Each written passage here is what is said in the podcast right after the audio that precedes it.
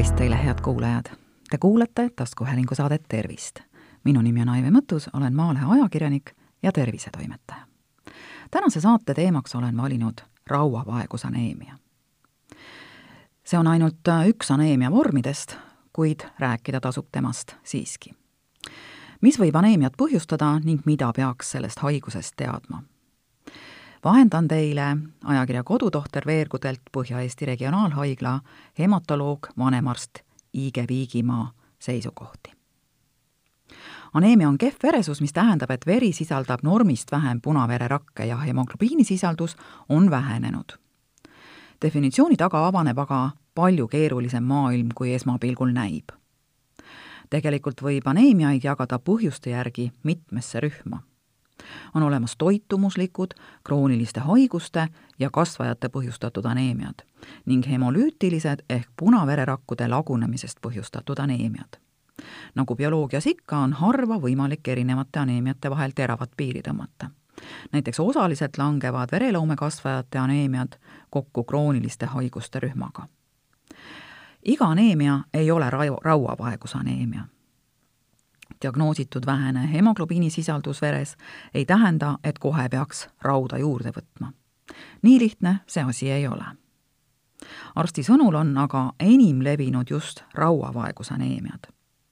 kahtlemata on see kogu maailmas levinuim vorm, sageli seotud just toitumisega.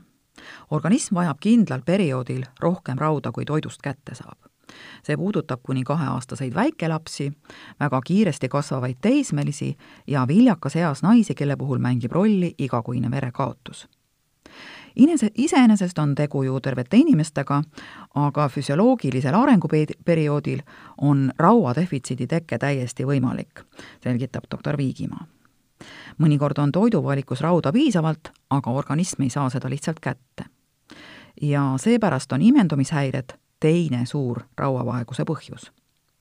viimastel aastatel on Eestis muutunud üha populaarsemaks taimetoitlus ja veganlus. kas ka vastava aneemia esinemine on tõusuteel? doktor Viigimaa räägib. aastaid tagasi nägin rohkem neid, kelle puhul viis rauavaeguseni ühekülgne toitumine. see on küll spekulatsioon, aga tänapäeval võivad taimetoitlased olla väga teadlikud riskide teadmisel koostatakse endale parem menüü ja võidakse võtta toidulisandeid.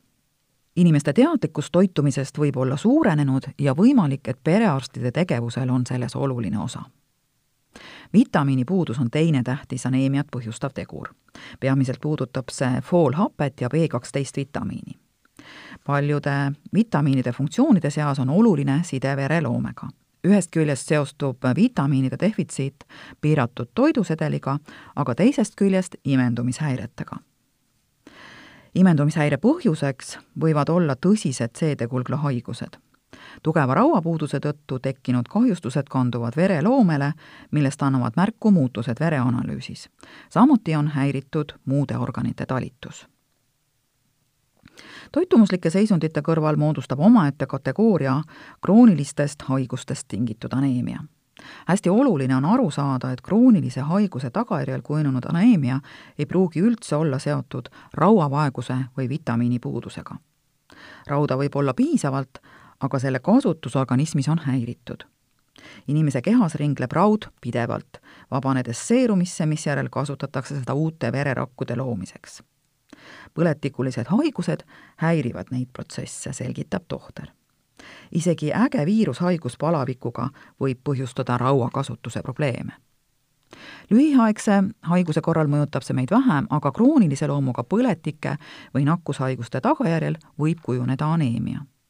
sel juhul ei tohiks kindlasti aga pimesi rauda manustada tarvitusele saab võtta teisi ravivõtteid, mis mõningatel juhtudel ei välista siiski ka täiendavat rauakuuri. doktor Viigimaa sõnul on vähkkasvajatega seotud aneemiad jällegi erisuguse mehhanismiga. näiteks verevähi vorme on kümneid. osade korral on vereloome tugevalt häiritud, teiste korral jällegi vähem. mõningatel juhtudel pole haigus üldsegi vereloomes, vaid ainult lümfisõlmedes. vereloomekasvajaga seotud aneemia erineb teistest vormidest probleem seisneb selles, et niivõrd haige vereloome ei suuda tuut-, toota piisavalt terveid ja töövõimelisi vererakke. raua manustamine ei paranda seda olukorda sugugi, kuna vereloome on tervikuna tugevalt häirunud. aneemiale on üldiselt omane, et inimene muutub jõuetuks. organismis jääb hapnikku lihtsalt väheks. Enamasti muutub inimene kahvatuks, kuna punase värvi annabki verele hemoglobiin ja selle aine hulk organismis on aneemia korral vähenenud ehm, muidugi kahvatuse põhjal diagnoosi ei panda, sest mõni inimene on loomu poolest väga heleda nahaga lisaks võib kergesti kloppima hakata süda. näiteks vahel ütlevad inimesed, et süda peksab kurgus juba kergema pingutuse korral. Kui vere hemoglobiini sisaldus ja hapniku hulk on väga väikesed, siis võib tekkida ka südamepuudulikkus. kroonilisel kopsuhaigel tekib hingamispuudulikkus. üldiselt võivad kõik kroonilised haigused ägeneda, ütleb doktor Viigimaa aneemia diagnoosi käigus vaadatakse mitut parameetrit samal ajal näiteks punavere näitajatega koos trombotsüütide arvu ja valge vere seisundit.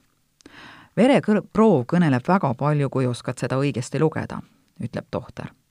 alguses tellitakse põhilised verenäitajad ning kõrvalekallete korral saab võtta juurde edasised analüüsid ja uuringud see tegevus aga nõuab kannatlikkust ja aega, sest iga järgmine samm tuleneb eelnevalt kogutud teadmistest ravi saab alustada, kui põhjus on teada või vähemalt on arstidel põhjendatud oletus, kui meditsiiniliselt pole võimalik aneemia täpset mehhanismi välja selgitada.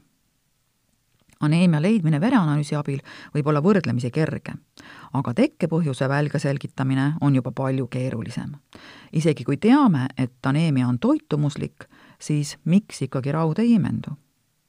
ravi peab olema põhjuslik näiteks verevähist tingitud aneemia korral tähendab see verevähiravi. aneemiaga tegelemine on sel juhul toetav ravi. Küll aga peab mainima, et toitumishäirete korral inimene üldiselt ei peakski hematoloogini jõudma, vaid äh, saama abi, perearsti juurest. Nemad saavad selle probleemi lahendamisega väga hästi hakkama. aneemia ravi nagu öeldud, oleneb konkreetsetest põhjustest, kaasuvatest haigustest ja muudest näitajatest. seepärast pole ei raadiosaates ega ka ajakirjaveergudel võimalik kindlaid raviskeeme välja tuua. küll aga rõhutab hematoloog, et diagnoosi järel ei tasu kilode kaupa rauapreparaate kokku ostma hakata aneemia diagnoosi korral ei aita ainult toidusedeli korrigeerimine ja hematogeeni söömine menüü tuleb igal juhul korda seada, aga õige ravimi manustamine on ka vajalik. lihtsate abivahenditega siin korral läbi ei aja. Toidulisandites sisalduva raua hulk pole raviks piisav. kui vaadata apteegis müüdavate preparaatide rauasisaldust, siis ravidoosiga võrreldes on neis elementaarset rauda kümme korda vähem, selgitab doktor Viigimaa päevased normid on mõeldud tervetele inimestele, kes toidulisandit tarvitada soovivad, mitte raskekujulise aneemia raviks. samas pole erinevat raua ravimitest toidulisandite tarvitamisega võimalik endale erilist kahju teha. Rauapreparaatide väärkasutuse korral on aga oht raua liigladestuseks kehas. head kuulajad, Te kuulasite taskuhäälingu saadet Tervist. tänases saates rääkisin rauavaegus aneemiast saate leiate Delfi podcastide pesast tasku, nutirakenduste Spotify, Apple Podcasts, SoundCloud ja teised. hakake jälgijaks ja kuulake just teile sobival ajal. ettepanekuid teemade kohta, mida saates käsitleda, ootan teilt e-posti teel aadressil tervist.maaleht.ee. kirjutage julgelt. minu nimi on Aive Mõttus, olen Maalehe ajakirjanik ja tervisetoimetaja. tervist teile!